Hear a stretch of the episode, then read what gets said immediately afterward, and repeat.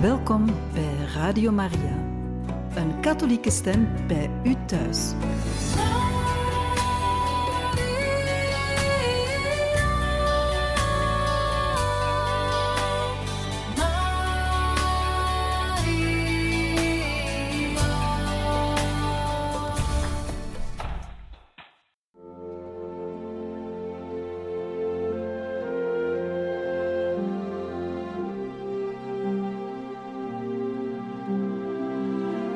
Beste luisteraars van Radio Maria, welkom bij het programma Catechismus.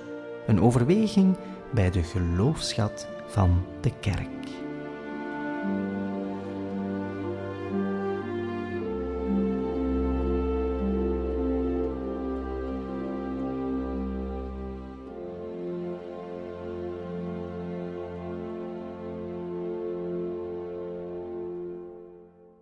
Welkom, beste luisteraars, in het programma Catechismus.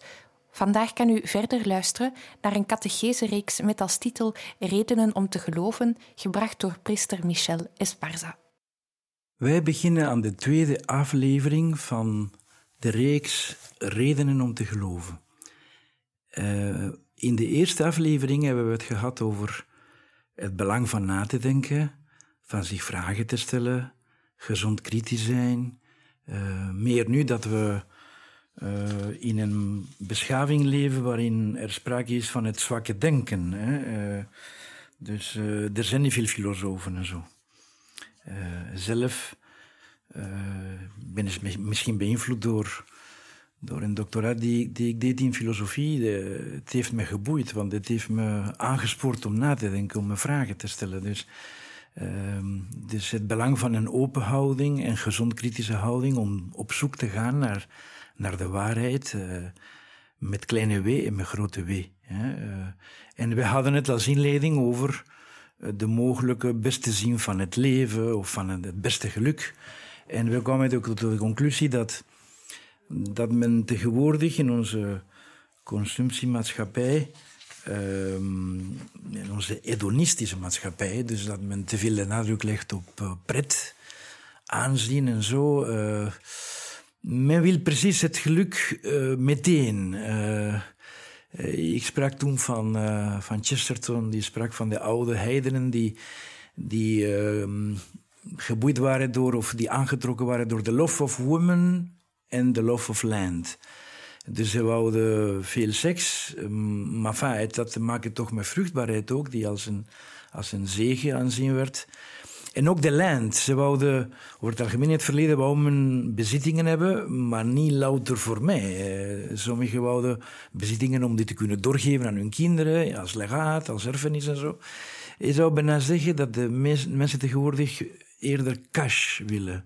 Meteen om te zetten in geld om meer pret te kunnen hebben, om meer aanzien te kunnen hebben. Wel, dat, is, dat lijkt me een beetje waanzinnig. Wij concludeerden dat, dat het beste geluk in onze natuur zit het zo ingebakken is wat we ervaren wanneer we liefde geven en ontvangen.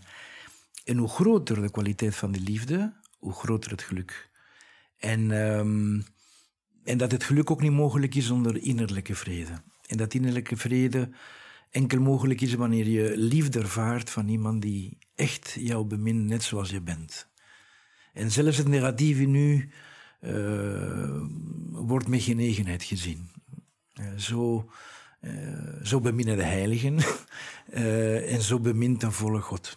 Dus we beginnen aan het tweede onderwerp, misschien de belangrijkste, namelijk waarom geloof ik in God? Waarom ben ik christen en waarom ben ik katholiek? Dus dat uh, uh, dezelfde uh, Chesterton, die ik daar juist aanhaalde, zei, als een journalist hem vroeg waarom gelooft u? Dan zei omdat ik begrijp dat het leven logisch is en leefbaar met die geloofsovertuiging en onlogisch zonder haar. Dan zie je, het is het nadenken dat brengt tot geloof en ook het leven zelf. Uh, je leven verandert naar beter. Hm? En, uh, en wij willen niet alleen maar mijn waarheid, jouw waarheid, maar we gaan op zoek naar de grote waarheid. Bestaat God? Indien hij wel bestaat, heeft hij gesproken? Is er een openbaring? Want als het zo is, dan is dat de grote waarheid. De enige opperwezen die zich niet kan vergissen, heeft gesproken. Um, dat is een beetje de, de drie stadium van vandaag. We beginnen met het bestaan van God. Kan het bestaan van God bewezen worden? Bewezen, zeg ik wel. Antwoord ja. Het is niet zomaar aantonen en zo. Het is te bewijzen. Niet alleen maar wordt dat uh, bevestigd in de Bijbel, maar, maar, nu zijn we nog met de reden bezig. Hè? Dus volgens het Oude Testament en het Nieuwe Testament zou men het bestaan van God kunnen kennen door te kijken naar de schepping, naar, naar, hetgeen, naar het universum, naar het heelal, naar wat rondom ons is. Rondom ons is. Als we ons afvragen, wie heeft dit gemaakt? Heeft het zichzelf gemaakt of heeft iemand anders het gemaakt? Indien het zichzelf niet kan maken, dan is er iemand met een grote macht en opperwezen uh, die het gemaakt heeft. En die op zich niet gemaakt moet worden. Want zijn, zijn volmaaktheid, zijn ontologisch zijnsvolmaaktheid is zo groot dat hij buiten de tijd en ruimte is, dat er, is geen wording in hem. Er, is, er zit vol leven binnen, binnen zich, in God. Maar, maar uh, op zich is die zo volmaakt dat hij, terwijl alles wat bestaat, alle zichtbare realiteit in, in, in dit heelal, uh, kan zichzelf het zijn niet geven. We kunnen uh, niks maken dat niet bestond en plots wel begint te bestaan. We kunnen vertrekken van wat we, van wat we hebben, dat omvormen in, iets anders. Hè? Dus waarom zijn we zo zeker dat God bestaat? Zo zeker als dat de etelal bestaat. Hè? De enige manier om niet te aanvaarden dat God bestaat vanuit metafysische, filosofische oogpunt, is het denken dat ik de enige ben die bestaat dat alles wat ik zie een droom is. Dat, dat, dat allemaal in mijn kop zit of zo. Hè? Dat is absurd natuurlijk. maar dat is de enige manier om niet te, te, moeten geloven dat God bestaat. Want uh, uh, met de filosofie van Aristoteles en Thomas van Aquino werd dat enorm uitgediept en, en, en dat is duidelijk. Dus de, niemand kan geven wat hij niet heeft. Uh, geloven dat niet bestaan, uh, is even absurd bijvoorbeeld als te denken dat een super ingewikkeld computerprogramma zou kunnen ontstaan zonder programmeur. de computerprogramma's bestaan uit, bytes en zo, maar de bytes zijn dom. Het heelal eh, bestaat uit atomen en weet ik wat allemaal, maar materie is dom. Uh, dus um, uh, we zullen straks zien hoe de wetenschap, dat, de positieve wetenschap, ook uh, daarbij helpt om het te geloven. Er is een, um, een boek uitgekomen niet, niet lang geleden, eh, op het einde van 2021. Dat was een, een boek van um, twee Fransmannen, Michel-Yves Bolloré en een andere. Dieu, la science, l'épreuve, l'aube d'une révolution. Uh, het is een groot succes geweest. Uh, meer dan 120.000 boeken verkocht in, in niets meer dan een jaar. En, um, en die hebben geprobeerd op een vulgariserende manier alle argumenten van de positieve wetenschap uh, bij elkaar te brengen. Om te zeggen, als je dat allemaal weet, ja, dan kun je niet anders zeggen dat, dan, dat het al refereert naar een andere realiteit. Hm? Dus ze zeggen, misschien kon je nog uh, atheïstisch zijn in de 18e eeuw, met de kennis van de wetenschap die we toen hadden, hè? maar niet nu.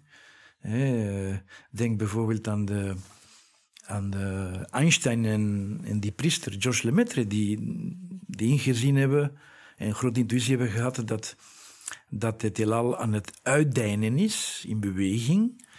En, uh, en achteraf heeft men dat kunnen vaststellen, inderdaad. Dus dat er dat er een hele ontstaan is met de Big Bang en zo'n grote ontploffing. Hm? Maar de, de vraag blijft nog altijd, en dat wat ontploft heeft, van waar komt dat? Dus, want zo weten we dat, de, dit, dat het leven op aarde ooit zal eindigen, dat er een thermische dood is van, van de aarde. Zo weten we ook hoeveel miljarden jaren het al bezig is en En, en, en dan, als wij zien uh, hoe wij zo laat gekomen zijn, ze zeggen dat, dat uh, de planeet Aarde al 4 miljard en half uh, jaren geleden is. en het verschijnen van de mens. Het is alsof al die tijd dat het planeet Aarde bestaat, de planeet Aarde als het 24 uur was, eh, de mens is verschenen 3,86 seconden voor middernacht. Dus we zijn net 300.000 jaar geleden of zo.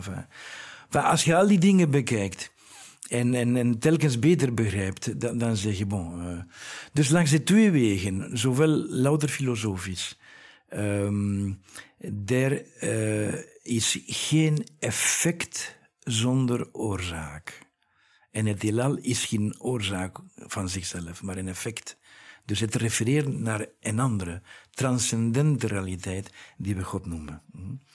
Um, zowel dus filosofisch als uh, door te kijken naar wat, we weten over de schepping. Want de um, Omne agens sivi simili agit was een en gezegd uit de oude tijd. Hè? Iedere agent handelt naar zijn natuur.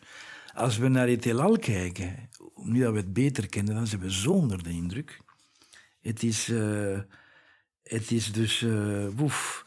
Als je, ik ben altijd onder de indruk als ik begin uh, te lezen over de, de ruimte van het heelal en, en weet niet, enkel in onze melkweg zowat 100 miljoen sterren en dat er bovendien nog 12 miljard melkwegstelsels zijn.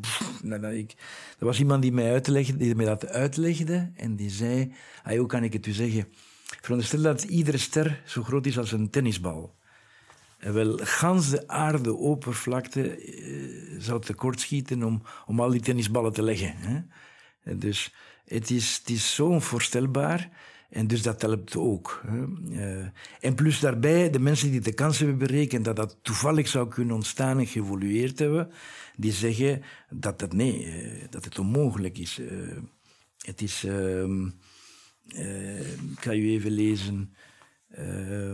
Fred Hoyle, een astronoom, astronoom van Cambridge, vergeleek de buitengewone ordening in de partikels van de kosmos met de onderdelen van een vliegtuig. De toevallige vorming van het heelal zou een even mogelijk zijn, zou even mogelijk zijn als de assemblage door een tornado van alle in een voetbalveld liggende onderdelen van een Boeing 747, die dan klaar zou zijn om op, om, op te stijgen.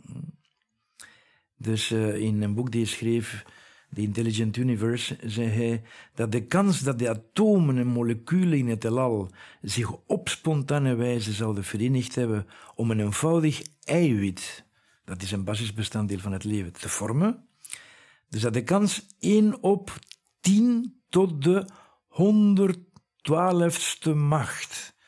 Dus dat, is een kans van 1 op 10 gevolgd door, door 112 nullen. Hm? Uh, vanaf 1 op 10 tot de 50ste macht is de mathematische kans 0. Dus dat was dus onder 12, veel meer dan 50. Roger Penrose, professor van Oxford en Nobelprijswinnaar natuurkunde 2020. Volgens hem is de kans dat het heelal, zoals we het nu kennen, namelijk op dit moment 92, 92, oh, 92.000 miljoen lichtjaren breed. Wel, zoals we het nu kennen, de kans dat dit heelal op willekeurige wijze zou ontstaan zijn, is 1 op 10 tot de 1230ste macht. Dus dat is nog, nog tien keer meer. Enfin, het kan niet, het kan niet. Dus uh, het is onmogelijk. Hm?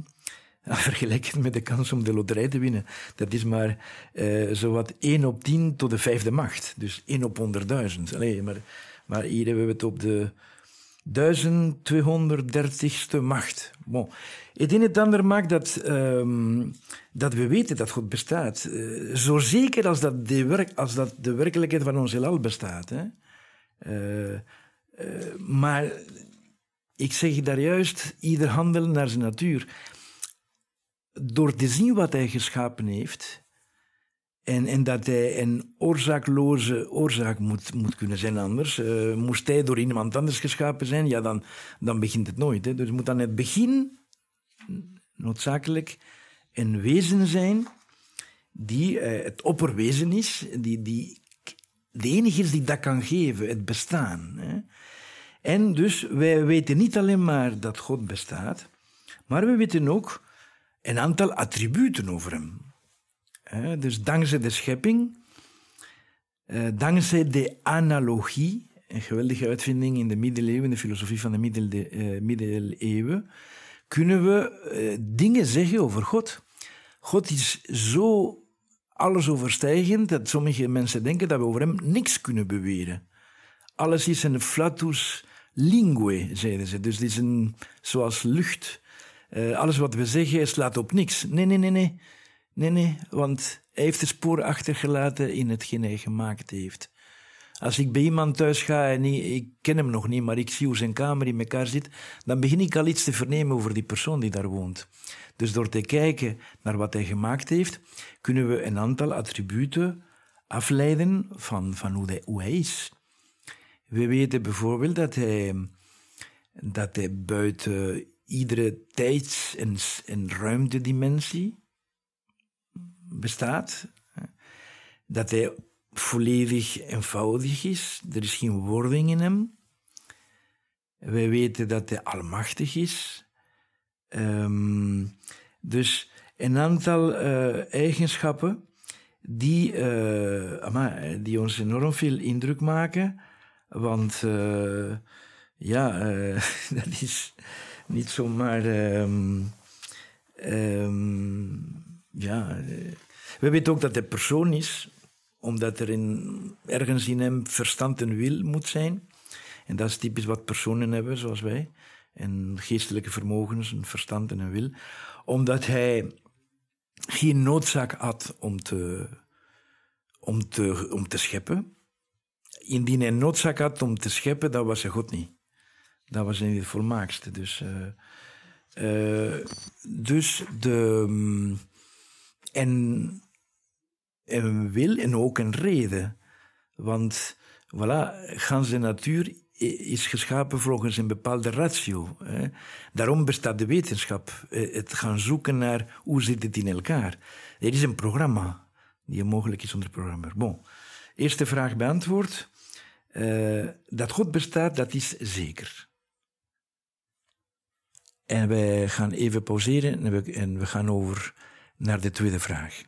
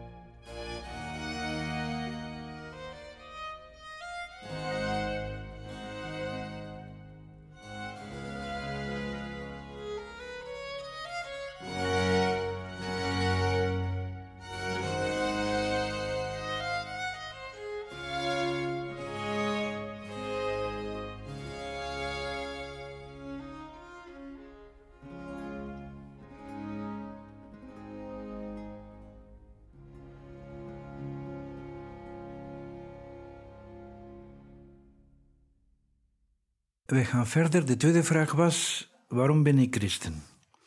We hebben gezien dat men het bestaan van God kan kennen. Um, aan wat hij gemaakt heeft. Zoals een auteur zei, een filosoof, hoe, hoewel het duidelijk is dat we geen vat krijgen op God door onze ogen, hebben we over hem dezelfde rationele zekerheid die ons toelaat achter de pot de pottenmaker te zien, achter een gebouw de bouwmeester, achter een schilderij de schilder, achter een geschreven bladzijde de schrijver. En dus we kwamen niet alleen maar tot het bestaan van God, maar tot een aantal attributen of eigenschappen. Uh, dus dat God niet alleen maar persoon is en zo. ehm, met intelligentie, met een oneindige intelligentie en, en, almacht. Maar hij is dus ook alwetend, alomtegenwoordig, eeuwig. Het woord eeuwig is niet uh, al te durend. Hè? Dat is al een begrip van ons, die in de tijd leven. Eeuwig is totaal buiten de tijd. Er is geen tijd in hem, omdat er geen wording is.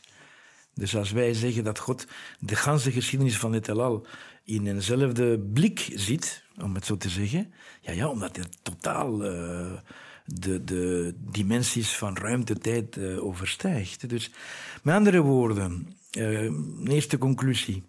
God is ontzagwekkend. Alles wat met God te maken heeft, is ontzagwekkend.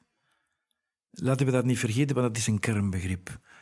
Uh, als we het gaan hebben straks over, over wat, uh, hoe dicht hij bij ons gekomen is, die God, uh, over het belang van de sacrale aspecten van ons geloof, dan is het omdat het met God te maken heeft. En bij God is alles ontzagwekkend. De beste houding van een gelovige in het algemeen, van welke godsdienst dan ook, is ontzag. En een onmetelijk respect over alles wat met hem te maken heeft. Goed, dan is de volgende vraag. Ja, maar heeft hij ooit gesproken? Heeft ooit van zich laten horen? Uh, ofwel moeten we allemaal zitten zoeken en, zijn alle godsdiensten gewoon constructies van de mensen. Aangezien God bestaat, dan proberen ze een manier te vinden, en ethiek. Uh, en er zijn mensen die godsdiensten maken waarbij men uh, slachtoffers moet opdragen aan die God om die te kalmeren, omdat ze niet weten of die, of die ons goed gezind is of, of wat. Ze, ze, hebben schrik van hem, weet ik wat allemaal. Nee. Dus, ehm, wel er is één godsdienst, enkel één. Uh, en een derde van de mensheid maakt er deel van, het christendom. Maar één, die beweert dat die ontzagwekkende God uh, zich geopenbaard heeft. Voilà, een tweede kernbegrip in het katholiek geloof, openbaring. Uh, het openbaring van iets dat op zich niet te vinden zou zijn voor ons, ons kort verstand. Hè. God heeft zichzelf geopenbaard op een progressieve wijze. Hij is een goede leraar. Hij is begonnen met de basisschool uh, en zo in de, in, de lagere school, in het Oude Testament, uh, met veel geduld. En dan, wanneer dat volk beter voorbereid was om, om een hogere graad te halen, dan is hij zelf mens geworden. Dus de christenen geloven allemaal in de godheid van Jezus Christus. In het groot ontzagwekkend geheim, zoals alle geheimen van God, dat uh, bon, tegelijkertijd heeft hij dus de, de, het intiem leven van God geopenbaard, wat we nooit zouden kunnen geweten hebben. Dat er maar één God is, maar als we een klein venstertje konden opendoen, laten we het zo zeggen, dat God bestaat uit, een, een drie-eenheid. Dus dat er drie personen zijn binnen hem die volmaakt wezensgelijk en wezens één zijn. Dus het is de heilige drievuldigheid is het, is, heeft meteen te maken met de mogelijke menswording, want het is één van de drie die, zich, die mens is geworden, de Zoon, Vader, Zoon en Heilige Geest. Telkens dat we mm, zeggen in de naam van de Vader en de Zoon en de Heilige Geest, telkens dat we die drie goddelijke personen uh, noemen, uh, in mijn geval toch, ik, ik, ik ervaar een soort, uh, ja, ik denk aan, aan hoe geweldig het moet zijn dat drie personen zo'n geweldige verstandhouding met elkaar hebben. Mm, dat ze elkaar zo doorkennen en doorminnen, en doorzaligen, dat ze een perfecte congeniale eenheid vormen. Ze zijn, er is geen van de drie die meer kan of minder dan de andere. Uh, en daarom de verstandhouding onder hen, de congenialiteit is, is, ah, het is een pracht. Ik, ik, droom daarvan. Want ik zie in dit leven hoe schoon in dit leven het is wanneer je goede vrienden hebt die jou begrijpen. Um, congeniaal. Eh, soms Einstein wist veel over, uh, over kosmologie en Georges Lemaitre ook, maar misschien hebben ze elkaar niet eens leren kennen. Maar als Georges Lemaitre met Einstein zouden spreken, dan zouden uren kunnen praten omdat op één klein aspect van het leven of van de wetenschap hetzelfde weten. Wel, wat, wat moet dat toch schoon zijn? Drie personen die elkaar door en door kennen en beminnen op een hoef. Dat is echt, uh, dat maakt deel uit van, van wat we in de hemel gaan, gaan meemaken. Maar, we draaien terug. Dus um, de, uh, die drie, een van die drie personen, de zoon, is mens geworden. En dan heeft hij gesproken in het Aramees. Dus we hebben een godsdienst dat gesticht is geweest, geweest door een man, een historische mens. Uh, dat hij historisch is, is er ook geen twijfel. Er is geen enkel uh, personage uit de oudheid waarover we zoveel bronnen hebben als over Christus. De meeste personages uit de oudheid, Socrates, Plato, weet ik wat, uh, hebben we misschien een tiental uh, oude papieren en zo. Uh, en, de, en de recentste na de dood van Plato is 13 eeuwen daarna. Terwijl over Jezus Christus hebben we van het jaar 70 tot 250 5800 documenten. Dus poef, dat is Goed, een, een duidelijke historische figuur die twintig eeuwen geleden leefde. En wat zei hij? Ja, niemand twijfelde eraan dat hij mens was, want ze zagen hem. Maar hij zei, eigenlijk ben ik God. En, uh, en op dat, op dat je... Ja, als iemand afkomt en zegt, ik ben God, ja, iedereen begint te lachen. Zei, ja, ja, en ik ook dan. Uh, ja, nee, maar daarom, ik kan alles. En hij, en hij toont dat hij God is door allerhande mirakels te doen, van alle soort. En niet met trucjes zo van in de nacht, zoiets een beetje zo raar. Hè? In, volle, in volle daglicht. Uh, het evangelie vertelt dat hij in een dorp kwam en dat hij eerst, vooraleer dat hij, dat hij begon te spreken, uh, alle mensen die ziek waren genas. Zo de een na de andere. Hè? Dus um, hij is, als hij... Uh, er zijn drie mogelijkheden. Ofwel is hij een gekke, ofwel is het een, een, een, een een, een, slimme oplichter, ofwel is het waar. Dus uh, dit kan niet bewezen worden, wel aangetoond. Zie je? Dat, dat hier, hier begint je vrijheid uh, te spelen. Je bestudeert wie zegt hij dat hij is. Uh, waar heeft hij gezegd dat hij, dat hij God is? Uh, zijn de getuigen die over hem geschreven hebben betrouwbaar? Mensen die die, die de eerste apostelen, dus is een tien van de, van, de, van de elf zijn martelaar gestorven. Hebben liever gehad van te sterven dan, dan te zeggen dat het niet waar was wat ze gehoord en gezien hadden. Hè? Uh, dus alles, je kunt dat in detail bestuderen. En, um, en dan uh, ik zie niet waarom hij het niet zou zijn, waarom hij een leugenaar zou zijn. Als iemand Christus niet gelooft, dan maakt hij hem tot een leugenaar, zegt Sint-Jan in een van zijn epistels. Ja, dat is waarheid. En pas op, uh, het is niet dat, uh,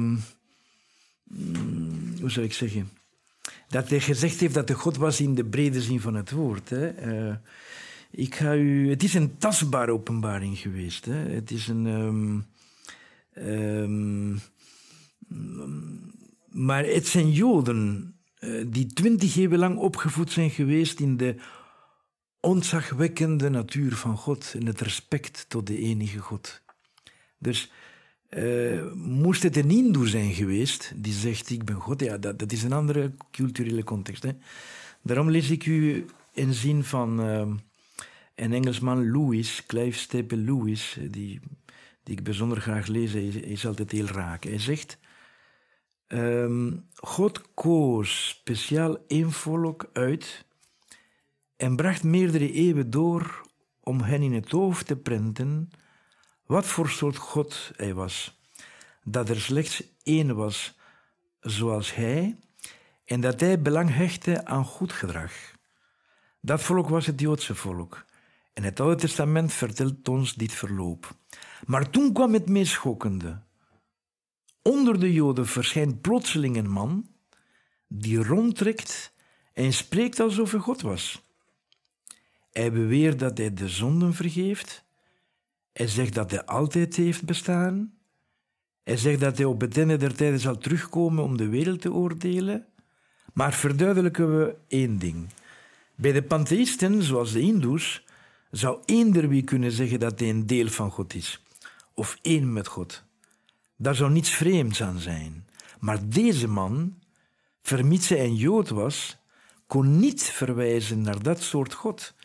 In de taal van de Joden betekende God het opperwezen dat los is van de wereld die hij geschapen had en dat oneindig verschilde van al het andere. En wanneer je dat doorhebt, zie je dat wat deze man zei, eenvoudigweg het meest indrukwekkende is dat ooit uitgesproken werd door een menselijk wezen. En we nemen een kleine pauze.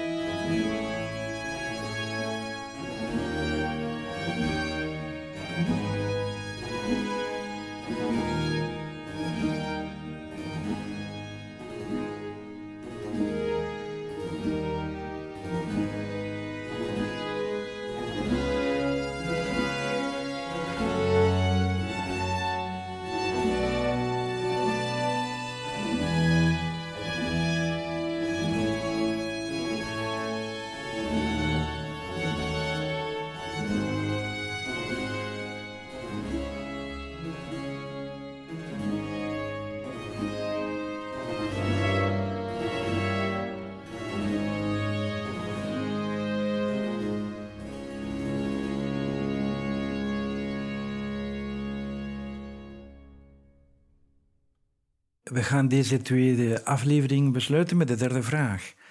Uh, niet enkel christen, maar katholiek. Hm?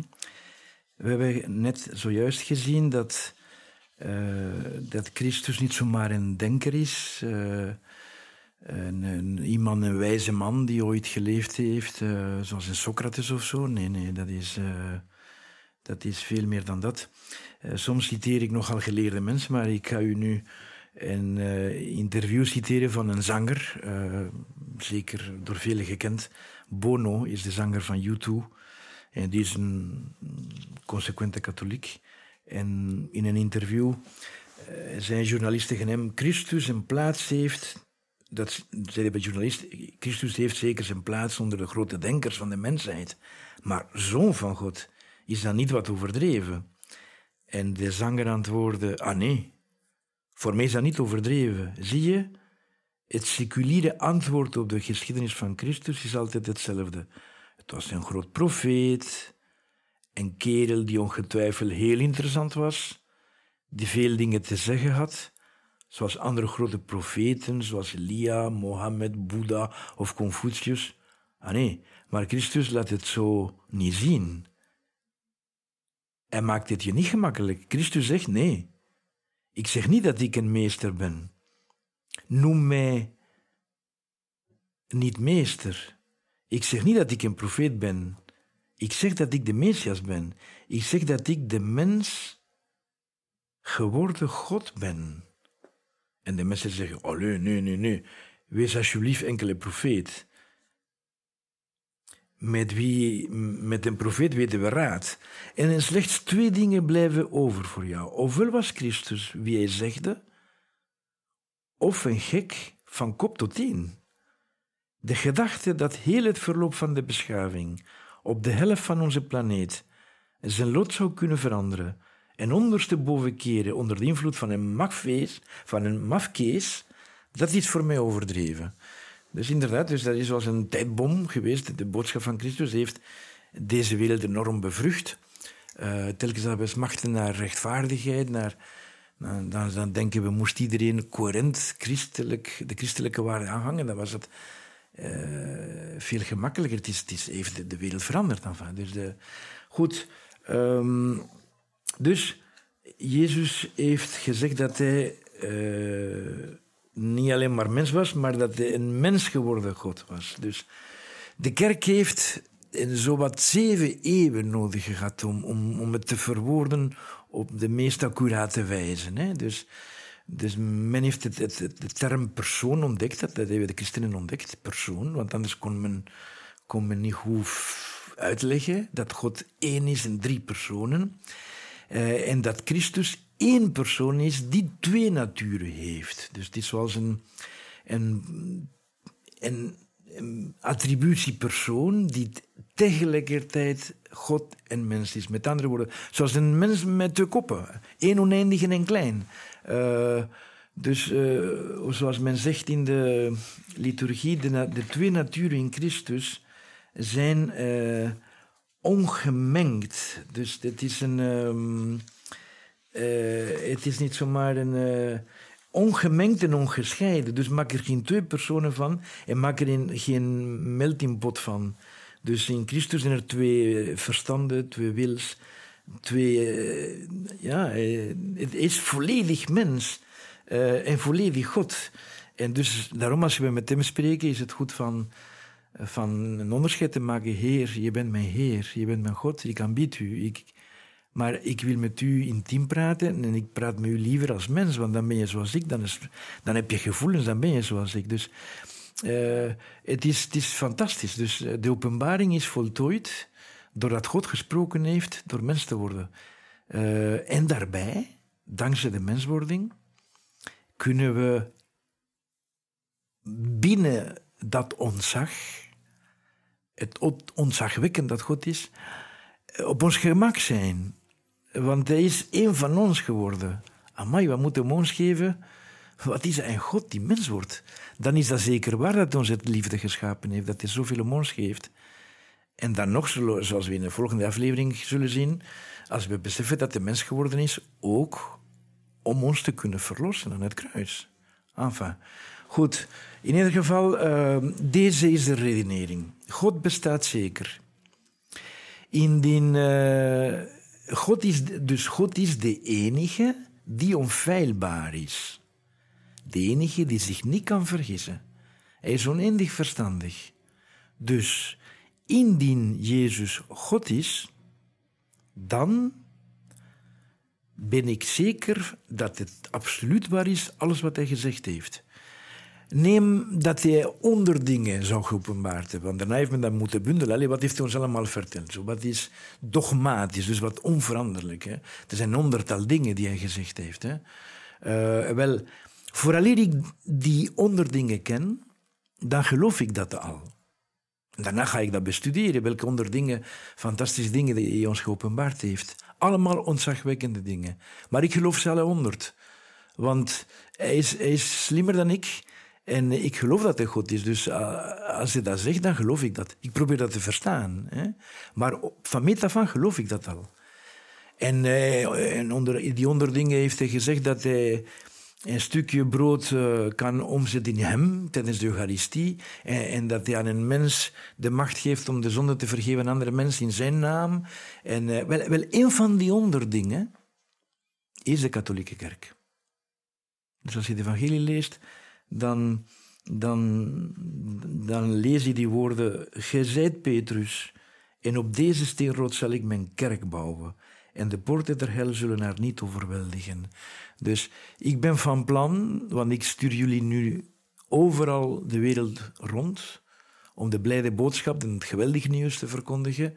Dat, dat God inderdaad mens is geworden, ons verteld heeft waarover het allemaal gaat, welke de zin van dit leven is en zo. Uh, maar ik, ik wil dat jullie een familie vormen. Uh, uh, we spreken veel van gemeenschap, maar de, de gemeenschap bij uitstek is de familie. Hè? En de kerk, Christus wou een kerk als een familie. Hm? En dus, en aan, anderzijds waren er ook praktische redenen achteraf bedacht, hè, die, die maken dat, dat het interessant is dat hij een kerk gewild heeft hm, aan wie bepaalde volmachten verleend heeft. Hè? En ehm, bon, dat is de, uh, oh, hier zou veel moeten over uitgelegd worden. Uh, want ik sprak in het begin over iemand die ook een conferentie kon geven over redenen om niet te geloven. onder de redenen die de meeste mensen geven om niet te geloven, reden nummer één is meestal uh, uit aanstoot voor slecht gedrag vanwege christenen of katholieken. Hè. En nog erger als het van priesters komt of van bisschoppen en zo. Hè. De schijnheiligheid uh, enzovoort. Dus al dat slecht voorbeeld maakt dat sommige mensen niet willen geloven. En anderen geloven niet omdat ze zeggen dat God niet kan bestaan als hij zo, of, of een slechte God is als hij zo'n wereld geschapen heeft met zoveel onrechtvaardigheid en leed. wel, op, die, op die tweede vraag zullen we antwoorden de volgende keer, maar op de eerste kunnen we nu antwoorden. Als je goed begrijpt wat Christus bedoelt door de katholieke kerk, dan begrijp je het. Want Christus heeft drie volmachten gegeven aan de kerk. Uh, drie ambten, ambten, munera in het Latijn. Dus. En twee van die drie ambten, eh, die zijn uh, onfeilbaar. Ik bedoel, daar kan, hij heeft ervoor gezorgd dat er geen vergissingen kunnen zijn. En de derde, daar kunnen veel vergissingen in zijn. Dus de drie ambten zijn uh, de openbaring. Dus het, uh, het was nodig, dat moest er een twijfel zijn over wat Christus gezegd heeft of niet, of nieuwe ontwikkelingen of gevolgen van wat hij gezegd had, dat er een instelling is die hij achterlaat, het leergezag van de kerk. Uh, en hij zorgt ervoor, het is een hele mysterie, miraculeus, dat de kerk in de, in de, in de dogmatische waarheden niet kan dwalen. Hm? Dus al heb je een paus die een afschuwelijk iemand is, die zich niet goed gedragen heeft, maar als hij ex cathedra praat, als een vaste dogma uh, afkondigt, en dat gebeurt niet, niet zo vaak hoor. De laatste keer was in 1950 en de keer daarvoor uh, uh, midden in de 19e eeuw. Dus, dus um, hij zorgt ervoor, de, de bediening van het woord, dus dat de kerk niet zou kunnen dwalen. Er zijn veel heiligen in de kerk en die hebben verschillende klemtomen, spiritualiteiten, maar ze geloven allemaal hetzelfde. Hè. Terwijl bij de protestanten, als iemand een gelukkig idee heeft, dan, dan maakt hij een andere kerk. En dat, is, dat was niet de bedoeling. Hij wou dat we één zouden blijven. In de liefde, maar ook in de waarheid. Dus één eerste volmacht, dat altijd goed werkt. Een tweede dat altijd goed werkt, de heiligende volmacht. Eh, aan de kerk werden de sacramenten toevertrouwd die altijd werken die een uh, goddelijke doeltreffendheid hebben. Dan is er een derde, een derde ambt, dat is het bestuurambt of het functioneel, laten we zeggen. We moeten dat een beetje organiseren en zo. En wel, daar kunnen we ons totaal in vergissen. En de, en de beslissingen van de paus over wie gaat bischop zijn of weet ik wat allemaal, uh, die kunnen fout zijn. Uh, en er kunnen, we zijn zondaars allemaal. Dus je gaat de katholieke kerk niet verstaan als je niet duidelijk onderscheid maakt tussen het sacrale, hetgeen met God te maken heeft, hetgeen ontzagwekkend is, ministerie van de heiliging, het ministerie van het, van het leergezag. En tegelijkertijd weet ja, dat hij ons vrijlaat en dat hij onze middelen geeft om heilig te worden, om volmaakt te zijn. Maar uh, het hangt van ons af dat we het willen. En uh, misschien het feit dat hij als eerste paus Petrus heeft gekozen, spreekt boekdelen uit. Want Petrus dat was niet de beste. Dan zou hij Johannes moeten gekozen hebben. Jonger, trouwer. Die was niet gaan lopen tijdens zijn passie. Nee, juist Petrus. Misschien om, ons te zeggen, kijk... Je begrijpt de katholieke kerk niet. Je begrijpt ook niet wat het priesterschap is als je niet verder kijkt. Een priester is een gewone mens, zoals iedereen, misschien nog, zondiger dan anderen. Maar het heeft iets van God. En daarom verdient hij een zeker respect. Niet omdat hij belangrijk is op zich, omdat hij iets draagt van God. Een normale mens, die, die van tussen de mensen uitgekozen is, geconsacreerd, eruit gehaald, om teruggestuurd te worden onder, onder de mensen. Dus dat is een priester. Hij heeft een sacraal aspect en een functioneel aspect. Laten we nooit vergeten dat, dat het functionele, uh, men doet zijn best, maar niet altijd. We hebben geen garantie dat het goed werkt, maar het sacrale wel. En daarom, de kerk is een groot geheim. Het is niet alleen maar een instituut. Uh, de leden van de kerk die zijn op drie verschillende dimensies in de hemel. Uh, ze gaan het zuiver in het vagevuur, andere op aarde. Maar de definitieve bestemming, eeuwige bestemming van de kerk is van ooit samen allemaal in de hemel samen te zijn. Daar gaan we naartoe. Dat is de katholieke kerk. Dus uh, we laten het erbij, want er was veel stof voor deze tweede aflevering. En, uh, en even rusten. Uh, en in de derde aflevering gaan, zullen we verder gaan met dat, dat tweede idee waarom mensen zeggen dat ze niet willen geloven. Omdat ze niet kunnen begrijpen dat, dat God zou bestaan en goed zou zijn en toch zoveel ellende op aarde zou kunnen zijn. Tot volgende keer.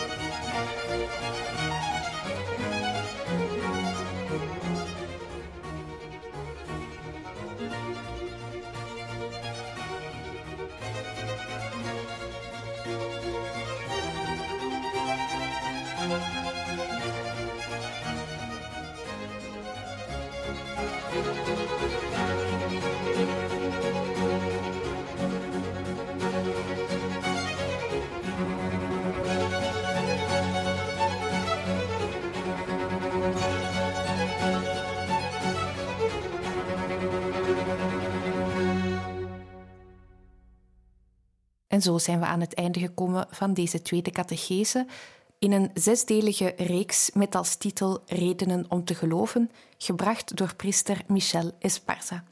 U kan deze en andere afleveringen spoedig online herbeluisteren. Radio Maria wenst u een mooie dag toe.